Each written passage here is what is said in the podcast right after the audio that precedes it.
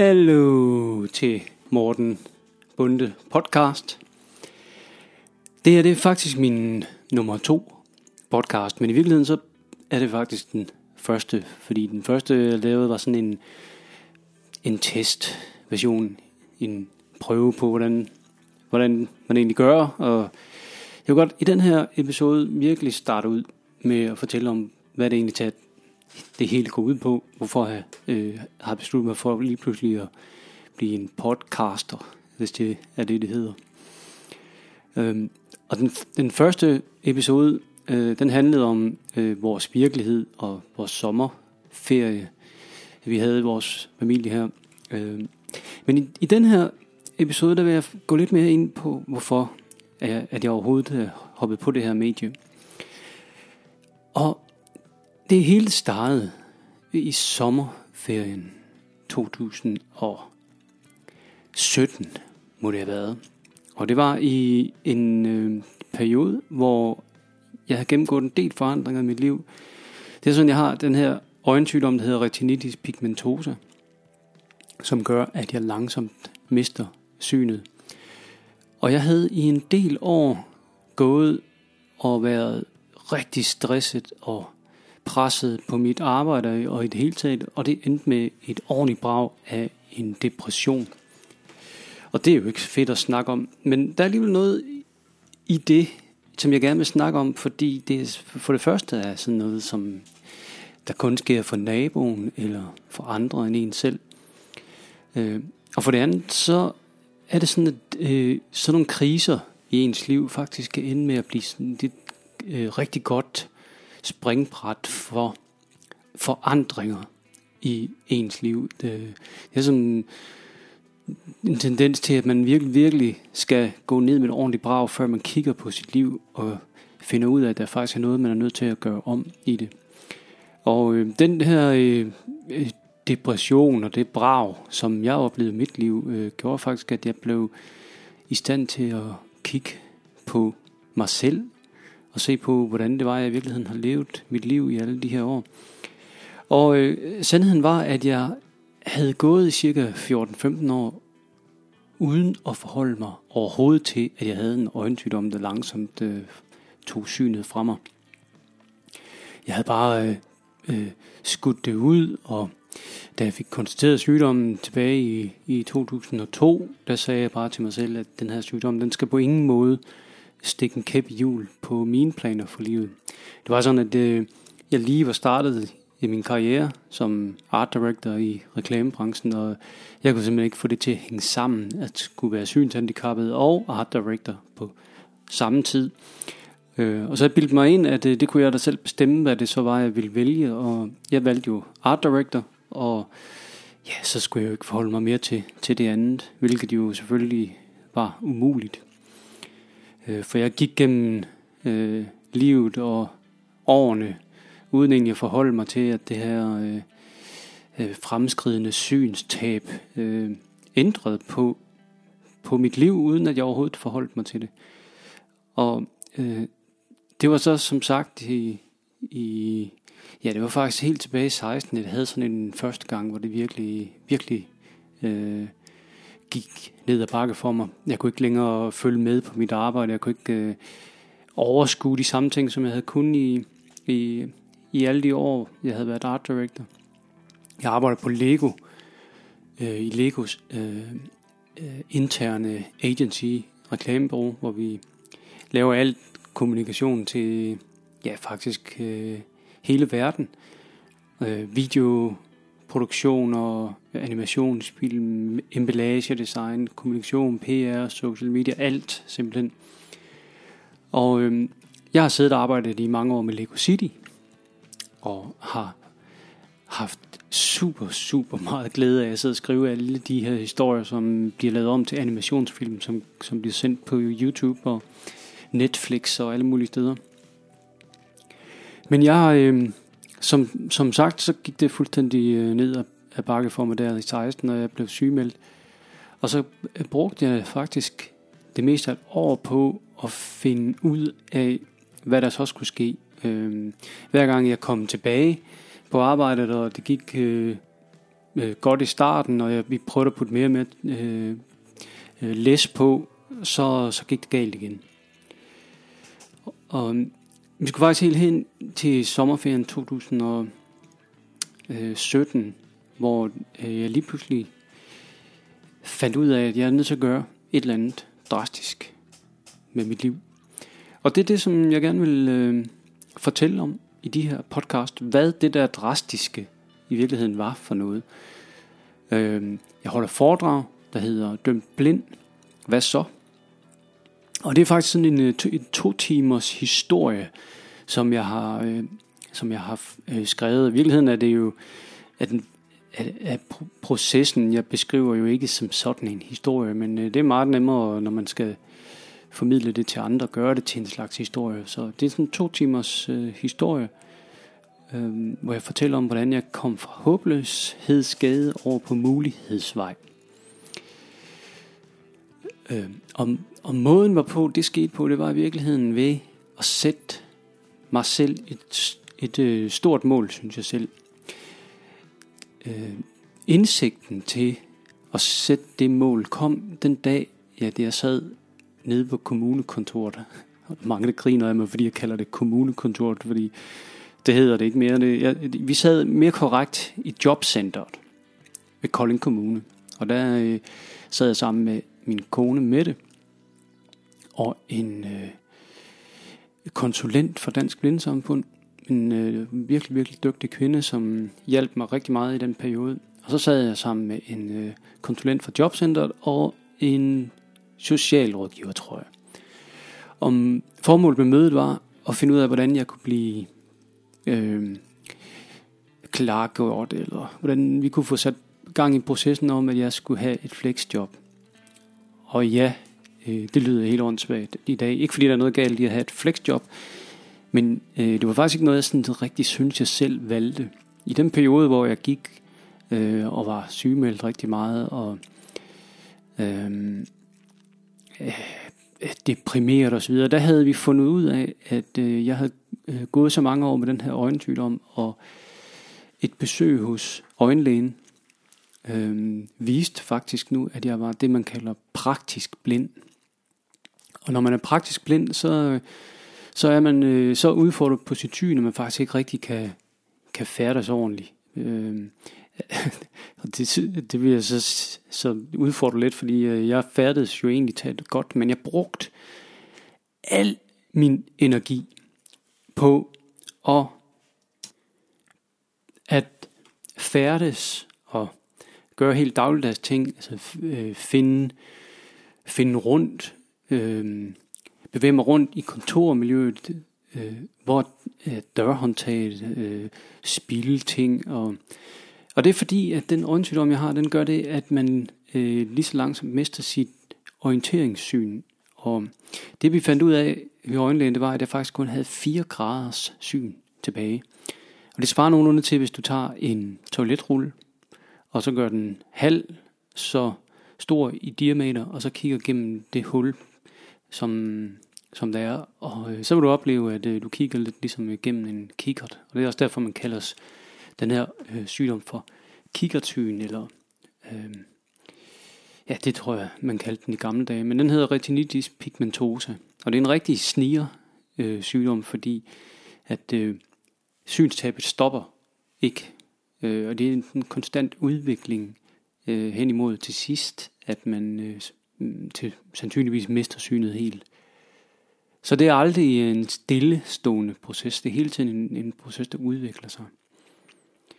Men jeg havde så øh, øh, været hos øjenlægen. Det var faktisk min, min kone, Mette, som en dag sad, vi sad i vores øh, øh, køkkenalrum, og hun siger til mig, Morten, hvor hvor længe siden er det egentlig, du har været hos øjenlægen? Og sandheden var, at jeg faktisk ikke havde været hos øjenlægen i cirka syv år, fordi at øh, det var den gamle øjenlæge i Kolding, og der var egentlig talt ikke rigtig noget kommunikation. Jeg kom hver gang til den her synsfeltsundersøgelse, og så viste det sig hver år, i de første mange år, jamen, hvert år kunne vi se, at jeg tabte mere og mere syn. Og hvis jeg skal være helt ærlig, og ikke særlig stolt over det, men øh, den sidste gang, jeg var hos, hos øh, øjenlægen, og det var nok syv år siden, der, sagde, der spurgte jeg ham ad, hvordan med det der med at køre bil. Og så siger han, øh, ja, så øh, hvis du spørger embedslægen, så vil han øh, nok ikke tillade, at øh, du kører bil, men... Øh, og så var det sidste gang, jeg var hos øjenlægen. Fordi det der med at miste evnen til at køre bil, det er jo noget af det værste, man kan forestille sig, hvis man er mand også. Øh, en mand og sin bil. Men også den frihed, der er i at bare kunne køre og gøre, som man vil, den var jo forfærdelig øh, at tænke over at miste. Så jeg havde øh, holdt øh, ud så lang tid, som jeg overhovedet kunne. Og øh, folk de spørger mig, hvordan, hvordan kan man køre bil, når man er praktisk blind? Men sådan er jo sådan, at jeg har jo faktisk stadigvæk det her centrale syn, og hvis man øh, flakker rundt med øjnene, altså kører rundt med øjnene hele tiden og scanner området, så, så, så kan jeg faktisk danne et komplet billede. Og, og det har jeg brugt rigtig meget, men det er også sådan, at det, den måde at se på det her er utrolig hårdt, fordi øh, at kigge rundt sådan med øjnene så hurtigt er lidt, lidt den samme øh, det samme man gør, når man er stresset, eller hvis der er far på færre, det er den der flakkende måde at kigge på. Så min krop, den var altid sådan stresset og spændt op. Øhm, men efter jeg fandt ud af, at jeg havde øh, så dårlig syn, så øhm, lagde jeg selvfølgelig kørekortet på hylden og stoppede med at køre bil og skulle til at køre bus. Øhm, og det var, det var, det var en, en noget af en brætophugning. Øh, lige pludselig gik jeg fra at have min frihed og være øh, mig, Morten, art directoren, som altid, til at lige pludselig være handicappet og begrænset.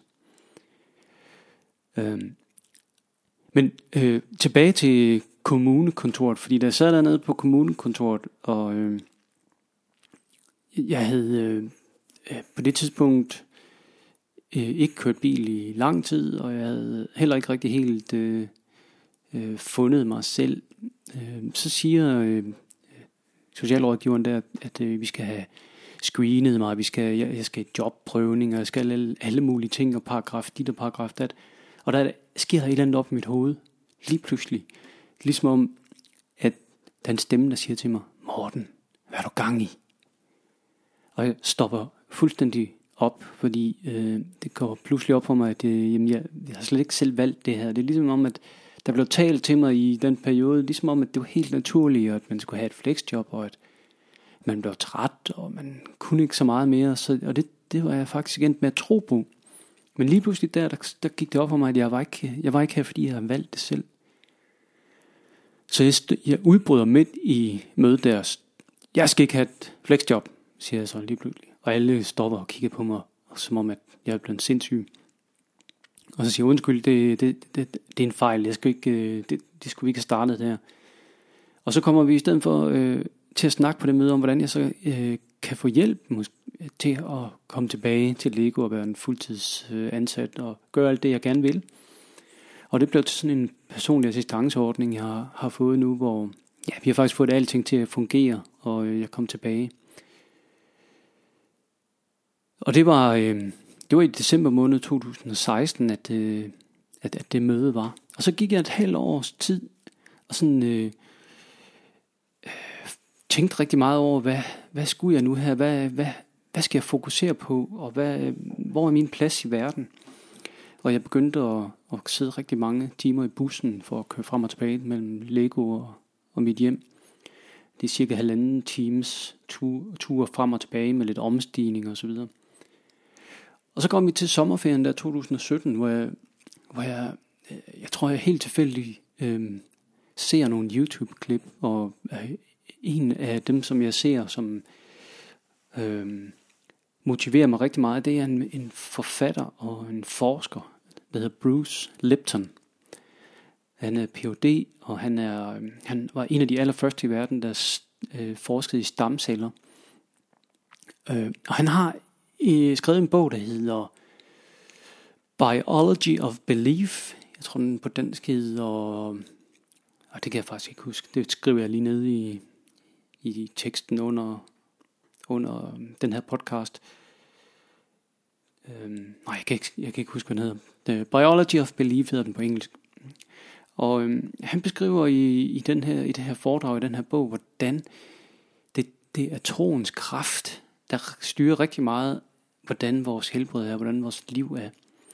Og han, han snakker om den her autopilot, og han snakker om underbevidstheden og bevidstheden, og det fanger mig rigtig meget, fordi noget af det, jeg går og spørger mig selv i det der halvmål, hvor, øh, hvor jeg ikke sådan rigtig kan finde mig selv, det er, hvordan kan det være, at jeg har så svært ved at finde ud af, hvordan jeg kan gøre mig gældende i den her verden, og hvordan kunne det være, at nogen bare kunne øh, gøre fantastiske ting? Hvorfor, hvorfor er der nogle mennesker her i verden, som udretter store ting, og, og er det så få i virkeligheden? Så jeg begynder at læse utrolig mange bøger den der sommerferie, og jeg lytter, øh, jeg lytter dem faktisk som lydbøger, men jeg finder også en masse foredrag fra forskellige øh, forfattere osv. Og noget af den vigtigste indsigt, jeg får, det er, at helt bogstaveligt talt, det, som vi går og tænker, og det vi bruger vores øh, fokus, energi på, det er det, vi bliver i, i vores verden. Det, det, det, er, det er det menneske, vi bliver. Så hvis jeg hele tiden går og tænker, at jeg er begrænset, øhm, så er det også det, jeg helt automatisk bliver. Og det passer meget godt med den måde, jeg havde levet på, for jeg havde gået og gemt mig lidt i de 15 år, og øh, jeg ville ikke rigtig være ved, at jeg havde den her sygdom, og var skammet mig faktisk også en lille smule over det, og det kan man jo ikke helt forstå. Men jeg kunne jo ikke helt altid det samme som andre, og jeg var en lille smule klodset og, og, og dækket over det her. Mest fordi, at jeg var bange for, at hvis folk opdagede, hvor lidt jeg i virkeligheden kunne se, så kunne jeg jo ikke længere være den, jeg var, uden at blive kategoriseret som en svindler. Og øh, jeg tænkte hele tiden over, hvad der ville ske, hvis jeg fortalte, øh, hvordan jeg i virkeligheden så. Så kunne jeg jo ikke have mit job mere, jeg kunne ikke køre bil mere, jeg kunne ikke... Jeg ville miste utrolig meget værdi, følte jeg, fordi at jeg øh, et, identificerede mig fuldstændig med den her opbyggede person, som jeg var. Art directoren, senior art directoren for Lego, som var rigtig meget i kvæs det der job, som man havde. Så jeg så rigtig mange øh, rigtig gode ting, og læste en, rigtig, øh, en masse bøger. Jeg vil ikke komme ind på alle de her øh, fantastiske forfattere i den her podcast, det vil jeg måske gøre senere. Men jeg opdagede i hvert fald, at jeg var nødt til at prøve at finde ud af, hvordan jeg kunne ændre den måde, jeg tænkte på. Og så læste jeg om vores bevidsthed og vores underbevidsthed, og fandt, øh, fandt ud af, hvordan det her fungerer. Jeg var også, jeg var også øh, nogle år forinden begyndt at øh, interessere mig lidt for mindfulness og meditation. Det var en, en stresscoach, der introducerede mig til mindfulness. Men, men jeg forstod ikke sådan helt, hvad det gik ud på. Det var rigtig meget noget med at skulle føle sin store tog og mærke sin krop, men jeg kunne ikke, øh, kunne ikke rigtig finde ud af, hvad jeg skulle bruge det til. Så jeg, jeg brugte det sådan lidt en gang imellem, og jeg synes, at jeg var lige op over kanten med, med hensyn til stressen, men ikke sådan noget i hverdagen. Men jeg lærer lynhurtigt, at vores underbevidsthed, det er, sådan, det er vores tillærte vaner, som vi har gået og lært os selv i et helt liv. Og man kan faktisk sige, at underbevidstheden sådan, det er en jukebox, eller sådan en, en, et computerprogram, som kører helt automatisk. Og det er skidesmart, at vi har en underbevidsthed, fordi det gør, at vi kan bruge rigtig meget af vores tankevirksomhed på at tænke nye tanker, og have visioner og idéer og sætte øh, mål for os selv. Og så kan underbevidstheden styre kroppen. Og øh, så skal vi, vi skal ikke tænke over, når vi går op ad en trappe, eller ned ad en trappe, eller sætter os ud i bilen og kører. Hvis du lægger mærke til, at det første gang, man skulle lære at køre bil, der var det en super stressende øh, ting at gøre. Man skulle have styr på gearskift, og man skulle have styr på højre og venstre ben, og man skulle kigge i spejle, og det, var, det, man var helt, helt op på dupperne. Og det er fordi på det tidspunkt, der var man i sådan en learning mode, og man skulle lære at køre bil. Lige så snart man havde lært at køre bil, så gjorde man det bare, uden at tænke over det. Jeg tror, alle kender den der følelse af, at man sætter sig ind i bilen og kører, og så kører man i 20-25 minutter, og kommer til sin destination, og så har man overhovedet ingen erindring om, hvordan man er kommet frem, hvad man har kørt forbi. Øhm, man har jo egentlig været hele turen i sådan et eller andet sted op i sine tanker og planlagt lidt og tænkt over, hvad man skal og hvad der er sket i går. Og, og det er et godt eksempel på underbevidsthedens fantastiske øh, evne til at styre rigtig mange af de der dagligdags ting, som vi tager for givet at gøre. Underbevidstheden tager sig også af at styre vores kropsfunktion, og hjertet det slår helt af sig selv. Det er et meget dybt underbevidst sted i, i vores krop, at alle de der funktioner, vi slet ikke overhovedet aner, hvordan fungerer, celledelinger og øh, frigivelse af forskellige slags øh, hormoner. Altså, det, det ved jeg slet ikke nok til at kunne fortælle en masse om, men jeg ved nok til, at alt det her, det foregår helt uden, at vi overhovedet har nogen indflydelse på det. Men det, der kan ske, og det, der skete for mig, det var, at jeg gentagende og gennem rigtig mange år fortalte mig selv, at jamen, jeg kan ikke, jeg kan ikke, og det er jeg ikke god til, og det skal jeg lade være med. Og øh, hver gang jeg, jeg kom i nærheden af udfordringer, som udfordrede mit syn, så valgte jeg egentlig at gå væk fra det. Så det var svært for mig at ændre min autopilot. Den her øh, måde, jeg havde lært mig selv at reagere på, det kørte bare helt uden, jeg overhovedet kunne, kunne gøre noget ved det. For et eksempel på det, det kunne være, øh, for eksempel på mit arbejde, så kunne der komme en projektleder og sige, øhm, Morten, i næste uge, der skal du lige, øhm, der skal du lige pakke en kuffert lige og tage til London til en workshop derovre. Og allerede der, der reagerede min underbevidsthed ved at sige, far, far, far, danger, danger. Fordi at det for mig ville det, at det, var det forbundet med at skulle rejse selv, og øh, hvis der er noget, der er svært, når man har RP og retinitis pigmentosa, så, øh, så er det at orientere sig. Så det var en kæmpe udfordring at rejse. Så derfor så sørgede min underbevidsthed for, at jeg ikke udsatte mig selv for de der ting.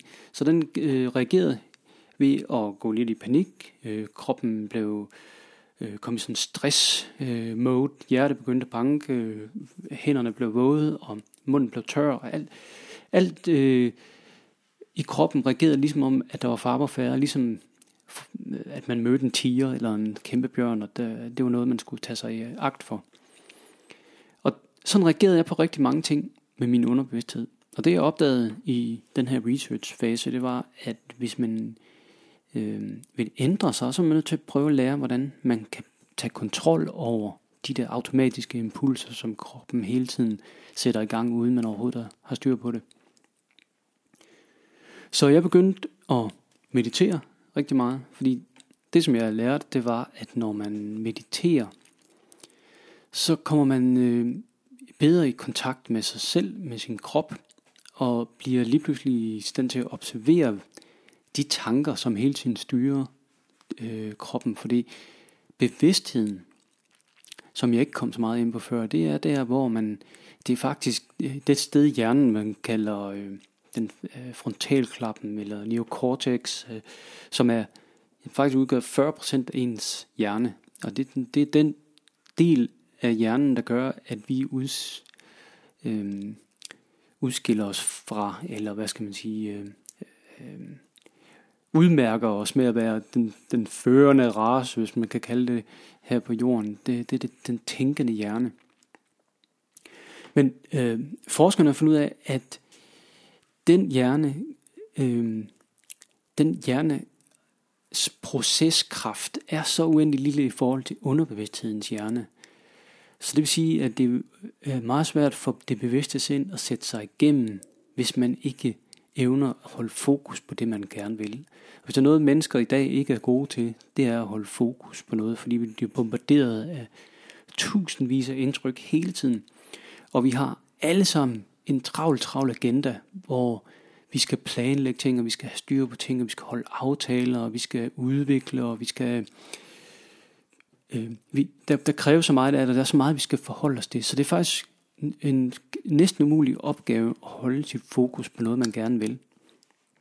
Og så flakker ens bevidsthed bare rundt på må og få.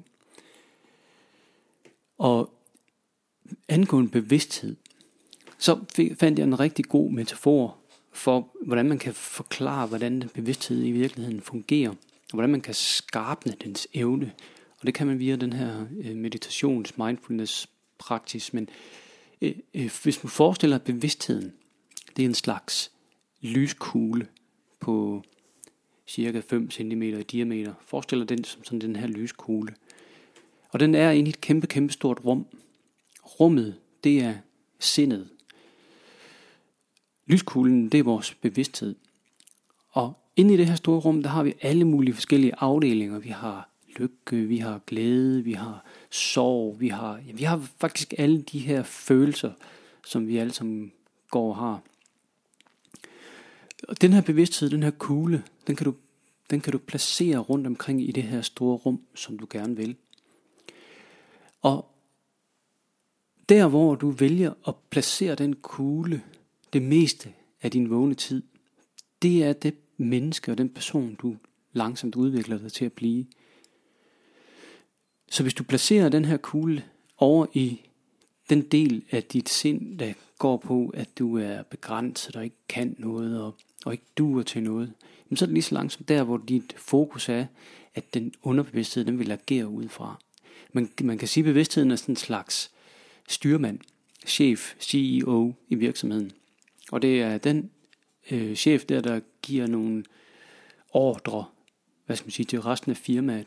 Og hvis den chef ikke formår at give nogle ordentlige ordre, som medarbejderne i organisationen kan finde ud af og øh, forstå og fortolke, jamen så ved man, at det, den virksomhed den vil gå fuldstændig øh, øh, bananas og, og, og miste fuldstændig styring. Og sådan er det faktisk også med bevidstheden op imod den her underbevidsthed.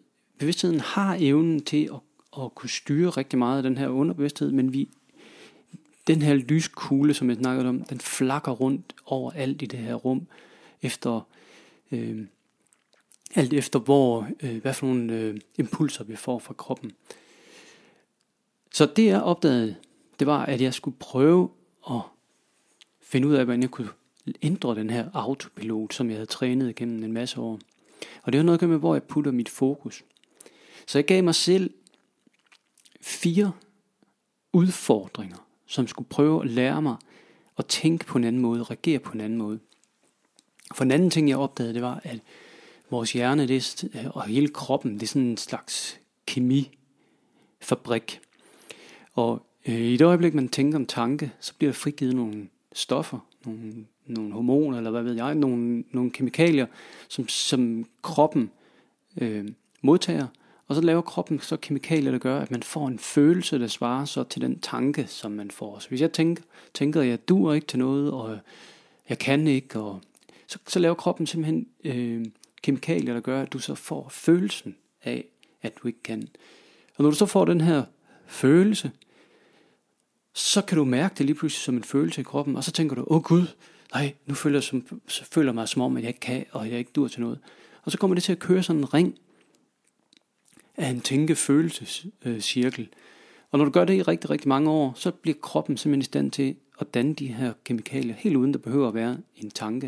Det var det, som jeg snakker om, det der med at lære at køre bil. Du kan simpelthen lære kroppen altid at være ængstelig og, og tænke i begrænsninger. Øh, hemmeligheden til at ændre det her, den fandt jeg i mindfulness.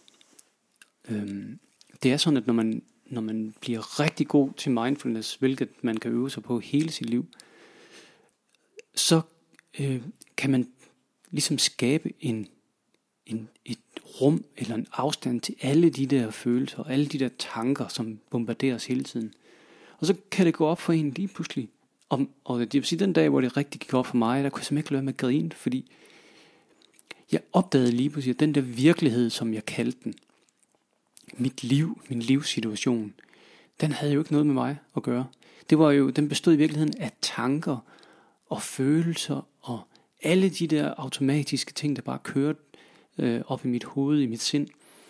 Og da jeg blev stand til at se det, der kunne jeg lave en afstand mellem det, jeg kalder mig selv, min væren, min essens, og så alle de der ting, alle de der tanker. Forestil dig inde i det her rum, øh, hvor den her bevidsthed er. I stedet for at bevidstheden, kuglen, den ligger henne i afdelinger i det her store rum, så kan man indimellem centrere den her kugle, så den i stedet for kan ligesom kigge ud i rummet og sige, alle de ting, der ligger derude, det er jo faktisk noget, som er lidt væk fra mig.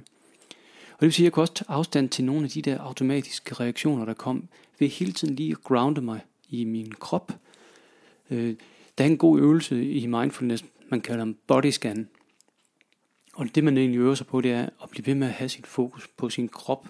Fordi så længe man har fokuset der, så kan man ikke have fokus på alle de der tvangstanker og de der øh, væragtige, øh, jeg, jeg til, øh, betegner tit som skyer, der sådan flyver forbi, og så står der øh, frygt på den her sky, øh, sky der står for, foredrag i næste uge, puh, øh, Øh, nu følger jeg den sky lidt, og så kan jeg være fortabt mig fuldstændig i jeg skulle holde foredrag i næste uge, eller og det er jo super godt, at man kan det, men hvis man ikke kan fjerne sig igen, hvis man ikke kan trække kuglen tilbage til centrum, så er man fanget i, i sine tanker.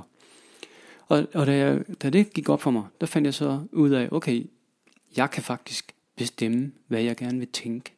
Og de her tanker er ikke virkeligheden. Det er bare en... Det, det, det er bare ligesom vejret, der, der suser forbi. Jeg, jeg kan vælge at slippe det og lade de der tanker køre. Så jeg begyndte øh, at, at gå mere og mere op i det her bevidsthed, øh, og fandt ud af, at det her jo, det var faktisk noget gammel, gammel viden det her. Det er jo, det er jo tusindvis af år gammel, og hvis man tager til Nepal, eller man tager til de gamle indianer og de gamle Ægypter, så, sidder og også øh, øh, Maya, de, de kendte alle de her ting og, og øh, praktiserede det. Øh, buddhisme handler rigtig meget om det her. Hvis man prøver at tage alt det, der hedder religion ud af det, fordi det er noget, jeg mener er kommet til senere, at man lige pludselig har øh, puttet øh, Gud på og, og skabt et øh, væsen, ligesom der, der, der er den her religion, men, men i virkeligheden så ligger der noget dybt i os, som vi har glemt her i vores vesten verden, hvor vi, vi tror, at det at tænke er vores øh, magtmiddel, eller det, der gør os specielle, men i virkeligheden så er det vores bevidsthed, der gør det. Den evne til at kunne observere tankerne. Øh, og jeg vidste jo, at jeg havde en masse programmer, som blokerede mig og holdt mig tilbage, som gjorde, at jeg ikke bare gjorde ting. Jeg havde for eksempel altid haft en drøm om at blive foredragsholder, eller formidle viden, eller gøre noget. Jeg altid følt mig som sådan en gammel sjæl i en ung krop, og ville gerne øh, give noget. Men jeg havde ikke rigtig noget at give af, fordi at jeg var jo den her begrænsede person, som ikke kunne noget. Så øh, det gik op for mig, at jeg skulle prøve på en eller anden måde at omprogrammere den her underbevidsthed. Og det fandt jeg ud af, at man faktisk godt kunne. Jeg vidste jo allerede, og havde under, øh, øh, eller fået øh, den viden, at øh, hvis du gentager noget igen og igen og igen for dig selv, så begynder du lige så langsomt at, øh, at være den person, det, det du tænker på, det du bliver. Men øh, vi holder jo op med at tænke, øh, og så ryger vi i den gamle grøft, jamen, og så tænker man de der gamle vanetanker, så jeg fandt ud af, at man faktisk kan hypnotisere sig selv. Og det lyder jo, der er mange, der, når man nævner ordet hypnose, så ja, det er sådan noget, enten man ser på TV2 med en eller anden, der får folk til at tro, de er en abekat, eller, men øh, hypnose er noget, vi befinder os i rigtig mange gange i løbet af dagen. Det er sådan, at øh, for øh, jeg kan faktisk ikke huske hvornår, men øh, der var en eller anden tysk professor, tror jeg, der fandt ud af, at, øh, at man kunne måle hjernebølger hos mennesker. Og øh, jeg tror, det er det, der hedder EEG, man kan sætte på, og så kan man, øh, så kan man monitorere ens øh, tankeproces, altså hvor hurtigt ens hjerne den svinger. Og der fandt man ud af, at der findes forskellige hjernebølgefrekvenser på mennesker. Og den allerførste hjernefrekvens er delta hjernebølger. Og det er de hjernebølger, man har, når man, når man sover dyb søvn. Og når vi bliver født, øh, så alle øh, spædbørn og øh, helt små, ja, spædbørn, de, øh, øh, de, de har kun på det tidspunkt delta hjernebølger. Og det er også derfor, de sover det meste af tiden. Så sker det langsomt, at hjernen udvikler sig, og så når man bliver omkring sådan en, de der 4-5 øh, år, så har man udviklet det, man også kalder Theta hjernebølger. Og theta hjernebølger, det er de hjernebølger, man øh, kan se i hjernen lige i, inden man bliver vågen. Altså øh, også i det, man kalder REM, søvn. Og når man er i theta hjernebølge mode, så er man faktisk modtagelig for information ligesom i hypnose. Det er, i, det, det er blandt andet også derfor, at helt små børn lærer så hurtigt. Det der sker, øh, det er, at der faktisk ikke er noget filter. Ens øh, underbevidsthed står fuldstændig åben. Den står som på sådan en optag mode og modtager alle de informationer, alt det læring. Og det er rigtig smart, fordi i oprindeligt øh, tilbage i, i urtiden, jamen der var det jo vigtigt, at man lynhurtigt kunne lære, hvordan det var, man skulle be, øh, gebærde sig i den her verden. Og når man er i theta-mode, så kan man faktisk ændre på sine overbevisninger, alle de der ting, som man har lært sig selv gennem livet. Så sker det, øh, når man ja, som op i, op i, når man når forbi fem års alderen, så får man også øh, lige pludselig adgang til de her alfa hjernebølger. Og alfa hjernebølger, det er sådan, der er man vågen, men man er sådan en meget døsig tilstand, og man dagdrømmer lidt. Og det, øh, det er også derfor børn, når de er cirka fra 5 til 7, øh, at de kan fantasere sig i, hen i nogle utrolige roller, og kan være i det utrolig lang tid. Og det kan være utrolig svært for voksne at forstå, hvordan din 5-7-årige dreng kan blive ved med at være i den her fantasiverden. Og det er fordi, de er simpelthen hele tiden i en alfa-tilstand. Og så udvikler vi senere øh, det, man kalder for beta-hjernebølger. Og det er det bevidste sinds operationsområde. Og der findes forskellige niveauer af beta. Man kan være i en sådan lav beta, der er, det, der er man sådan almindeligt til stede. Så kan man være i en mellem beta, der er man sådan akt, aktpågiven. Man, man er virkelig sådan vågen, og så kan man være i en høj beta, og det er virkelig øh, der, hvor man er øh, på duberne. Og det svarer lidt til det mode, man er i, hvis man oplever far på færre. Og det, der, det er faktisk sådan, at de fleste voksne mennesker, rigtig mange voksne mennesker, er i den der høje beta hele tiden. Øh, og det er, det er derfor, man får stress, fordi kroppen den, øh, den laver en masse hormonstoffer, øh, kortisol, stress, som gør, at man er faktisk i stand til at kunne reagere lynhurtigt. Og det var jo smart i gamle dage, øh, urtiden, hvis man blev øh, øh, angrebet af en bjergløve eller et eller andet, så gik man i høj beta, øh, og så kunne man øh, undvige enten stå stille, fryse, kæmpe eller løbe. Og når man så var løbet væk, hvis man ikke var blevet spist af den her bjergløve, jamen så var faren overstået, og så røg man tilbage i lav beta. Men de moderne mennesker der ryger ikke tilbage i lav beta, fordi at vi er altid stresset. Der er aldrig nogensinde nogen løsninger på de udfordringer, menneskerne stiller sig i dag, fordi de opstår i tankerne. Og tankerne kan starte alle de her reaktioner helt automatisk. Så jeg fandt ud af, at jeg skulle prøve at omprogrammere min underbevidsthed med hypnose, selvhypnose. Så jeg lavede nogle lydbånd og, øh, og noget meditationsmusik, øh, jeg fandt fra YouTube. Og så gik jeg ellers i gang med at meditere. Og, og når man mediterer og øh, øver sig i det, og det vil jeg heller ikke komme så meget ind på, det kan komme ind i en senere podcast, så kan man få kroppen ned i den her alfa-tilstand, og faktisk også ned i øh, theta, og så bombarderede jeg mig med udsagn om, at jeg var verdensmester, og øh, jeg var, øh, jeg, jeg kunne alt, og jeg, jeg var en, et godt menneske, og altså alle øh, de her mm, modsætninger til de negative ting, jeg gik og fortalte mig selv, dem bombarderede jeg mig selv med. Og øh, lige så langsomt over en længere periode, på en, måske nogle måneder, der kunne jeg mærke ligesom stille, hvordan jeg automatisk begyndte at tænke anderledes. Så jeg satte mig selv fire udfordringer, for jeg kunne se, at øh, jeg havde fat i noget af det rigtige. Og den første udfordring, jeg gav mig selv, det var, at noget jeg også havde opdaget, det var, at vi helt automatisk, os mennesker, render rundt og har sådan en, en negativ indstilling til rigtig mange ting. Øh, forskere har fundet ud af, at 70% af tiden, der har vi negative tanker om os selv eller andre. Og det kan være, jamen det kommer helt øh, af sig selv til udtryk igennem hverdagen. Altså det, at det nemmeste at gøre, det er at, at brokke sig. Og øh, ja, det kan være, at øh, firmaet er stoppet med nu at have gratis kaffe, og så det er godt nok også for dårligt. Og det, øh, det, det kan godt at man stadigvæk har den gratis frugtkur, men den, den er der ikke nogen, der fokuserer på. Man fokuserer kun på de dårlige ting. Det kan være, at naboen har klippet hækken ned 20 cm længere ned, end man havde aftalt for pokker der også. Øh, sikke en idiot. Og, øh, og hele tiden så, så, øh, så, så går man af i den der 70% negative tilstand. Og det kunne jeg mærke, det gjorde jeg jo også, for hver gang, at der kom en udfordring, så, åh, så begrædede jeg mig selv, og jeg, var, jeg brugte øh, den der, øh, de 70% faktisk meget, meget på mig selv, fordi jeg var egentlig taget meget positiv udadtil, men alt min negativitet var, indre, øh, var, var rettet mod mig selv. Så jeg sagde til mig selv, morgen i 30 dage, der skal vi lave et eksperiment. Der skal du prøve at fokusere kun på positive ting. Og det er kun 30 dages øh, eksperiment, så du kan, når der er gået 30 dage, gå tilbage og være den gamle Morten, hvis du har lyst til det.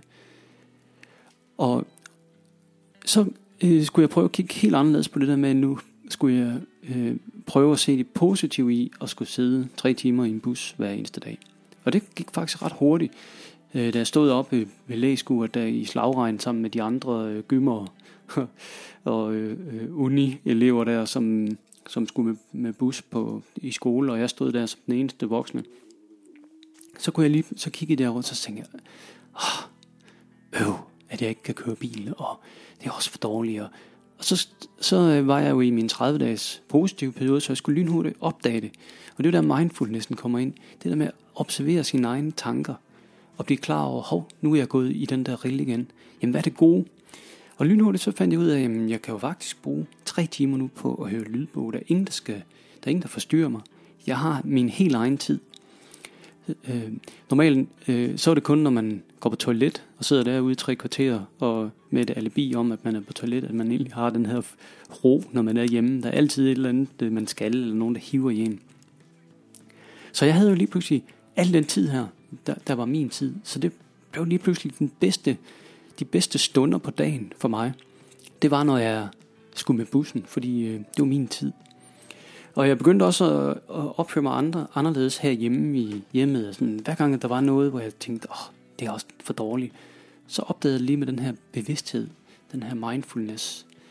Øh, og så prøvede jeg at tænke, jamen okay, der er garanteret også en positiv side af det her, men jeg fokuserer bare altid på den negative. Hvad er den positive side? På mit arbejde, der kunne det være for eksempel, hvis øh, vores projektleder kom ind og sagde, jamen hele vores projekt er blevet øh, forkastet, I skal lave et nyt oplæg. Og alle sagde, åh, pokkers kunder, hvorfor kan de ikke beslutte sig, og hvorfor vil det? Så kunne jeg lynhurtigt sige, okay, jamen, jeg elsker faktisk at lave de her opgaver. Nu skal jeg bare lave den en gang til, og så bliver den lige lidt bedre, og måske var den heller ikke lige helt så skarp, som den kunne være, så det er jo faktisk lidt en gave.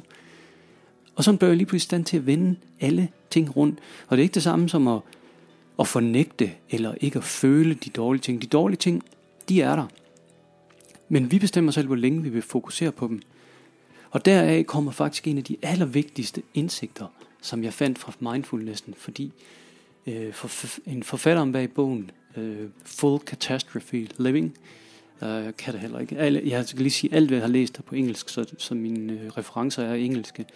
Men øh, han hedder John Kabat-Zinn, og han, øh, han beskriver øh, meget dygtigt, at øh, mindfulness handler i virkeligheden om at acceptere, lære at acceptere alt det, der er lige nu. Lige nu og her. Og det giver ikke mening at anfægte det, der er lige nu og her. Det er kommet, og det kan godt være, at det kunne have været anderledes, og at, øh, at man havde lavet fejl, eller, men lige nu og her er den her virkelighed her. Og så kan du, du kan godt øh, arbejde på at ændre den i fremtiden, men det der med at, gå rigtig meget op i, oh, det er også, hvorfor sker det, og hvis skyld er det, og det skal man lynhurtigt prøve at se, om man kan lægge bag sig, og så prøve at kigge på, hvordan man så kommer videre. Og det bliver jeg simpelthen ekspert til på de der 30 dage. Og øh, efter de 30 dage, så øh, var jeg faktisk den anden person. Jeg havde trænet min underbevidsthed, men siger, jeg tror, jeg har hørt et sted, man siger 21 dage tager det om at, hvad skal man sige, forvente en vane rundt. Og jeg brugte 30 dage på det her, og jeg var virkeligheden et andet menneske, da jeg kom ud på den anden side. Det her, det var den første episode i mit øh, i min podcast. Og øh, i min næste podcast, der vil jeg fortsætte med at fortælle, hvad det var for nogle udfordringer, jeg gav mig selv, og hvad de så har betydet øh, for mig og mit liv nu, og hvordan de virkelig har fået mig til at være her, hvor jeg er nu. Og jeg håber, at, øh, at vi ses igen næste gang.